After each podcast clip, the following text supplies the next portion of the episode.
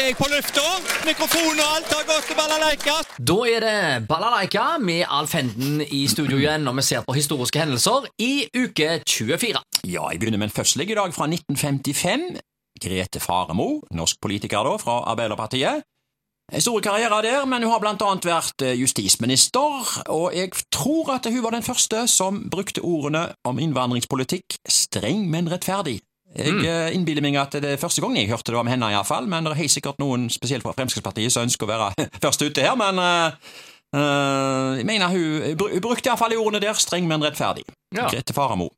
1967, du, så ble der født en tannløse, men i dag mann med store, hvite tenner. Det er nesten som at han passer akkurat inn i enhver uh, tannpastareklame.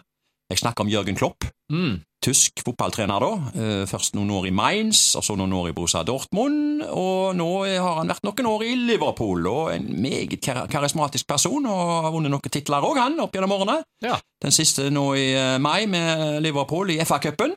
Eh, Men disse tennene, du. Altså, enten bruker han kolossalt mye penger hos tannlegen, eller så bruker han ingenting. Altså, han har fått en Guds gave, omtrent. De tennene, tror du de Er de, er de ekte? Jeg vet ikke. Det- Nei, jeg, jeg har eh, liksom aldri eh, Men forfær- fantastiske tenner, altså. Ja, nettopp. Det, Det kan være at han har fått porselen på tennene sine. ja, Det kan jo være det at han har investert i noe sånt, bare Ja. for å flotte seg. ja, kanskje. Før var det gulltenner. Eh, Ja, født i 1967, altså. Jørgen Klopp. Og så går vi videre. Internasjonale hendelser. 1903. Gjøa legger ut fra Kristiania og ble første skip til å seile gjennom Nordvestpassasjen. Leder for mannskapet på seks det var selvsagt Roald Amundsen, og Gjøa nådde Stillehavet i 1906 etter en reise på tre år. Og vi holder oss litt i reisebransjen her. 1963. Hun reiste litt lengre, hun altså. Første kvinne i verdensrommet.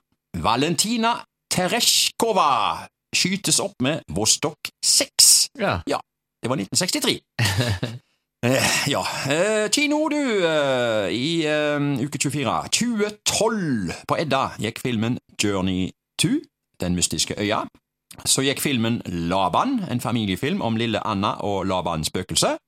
Og så gikk det en actionkomedie som eh, 21 Jump Street. Og så gikk det en film så det var mye styr rundt, holdt jeg på å si. Uh, Wide Blue Yonder. Ja. Norsk-britisk dramakomedie med Brian Cox og Hege Skøyen i hovedrollene der. Fra Haugesund. Ja, det var en film som var tatt opp på våre kanter, og eh, det, hadde jo tatt, det tok jo flere år for, for å få denne filmen presentert eh, på kino. Det ble mye floker underveis her, Ja, det gjorde det. før han endelig kom på lerretet. Ja, ja, ja. Og apropos floker, 1930. Ekteskapsfloke på Djupaskar. Mm. Jeg siterer Haugesunds Avis. Oppe i Djupaskar et sted bor et ektepar, et ganske alminnelig ektepar. Forleden dag reiste mannen på arbeid, og konen ble igjen alene. På dette beleilige tidspunkt innfant en trønder seg i fruens hjem. Hun fant han tiltalende, og det varte ikke lenge før trønderen inntok mannens plass i hjemmet.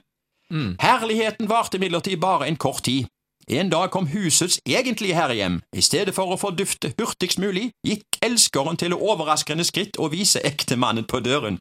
Han måtte da søke hjelp hos lovens håndhevere, som straks bemektiget seg elskeren og innsatte ham i varetektsfengsel.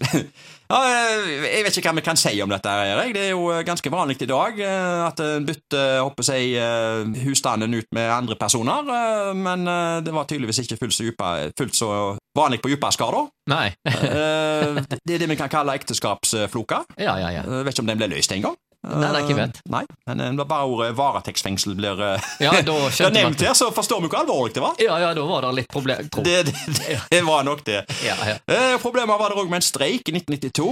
Jeg siterer Haugesunds Avis, som hadde overskrift her. 'Kommunestreiken over'. Videre sto det. Streiken i Haugesund kommune er over. I dag kjører bossbilen igjen. Barnehagen er åpne. Hjemmehjelpen kommer som normalt. Fotballkampen Vard Viking kan spilles på stadion, og Edda kino er åpnet. Ja, det har jo vært noen kommunestreik her opp gjennom årene, noen av de langvarige òg, men eh, jeg husker ikke eksakt hvor lenge akkurat denne streiken i 1992 varte, men jeg erindrer at det var en av de som varte litt, ja. Mm. Men hva var egentlig det viktigste av de nevnte tingene som ble normalt igjen? Bare min- minne om at jeg nevnte at båsbilen kjører igjen, Vard Viking kan spilles på stadion. Mm. Ja, Der går vi for at det var viktigere med båsbilen, var det ikke det? ja, det var gjerne det. Viking tror jeg må ha vært en cupkamp. Eh, for Viking var jo Eliteserien på den tida der, de, og var, var jo ikke det. Nei, nei. Ja, barnehagene åpner igjen, eller hjemmehjelpen kommer. Hva er viktigste der? Det er ikke godt å si. Kom an på. Uavgjort. Vi går for remis der. Det, ja, nettopp. Ja. Men er det kino åpna igjen? Det tror jeg gleder mange. Å ja. Det var jo en vinn-vinn-sak. Ja, altså, det er jo bare én ting å spørre om, føler jeg. Det er bare én ting, ja. Ja, ja, ja, ja, ja. Streik! Hot on! Oi, det er hot, vet du! Det- det er hot. Det må alle få lov å oppleve. Ja.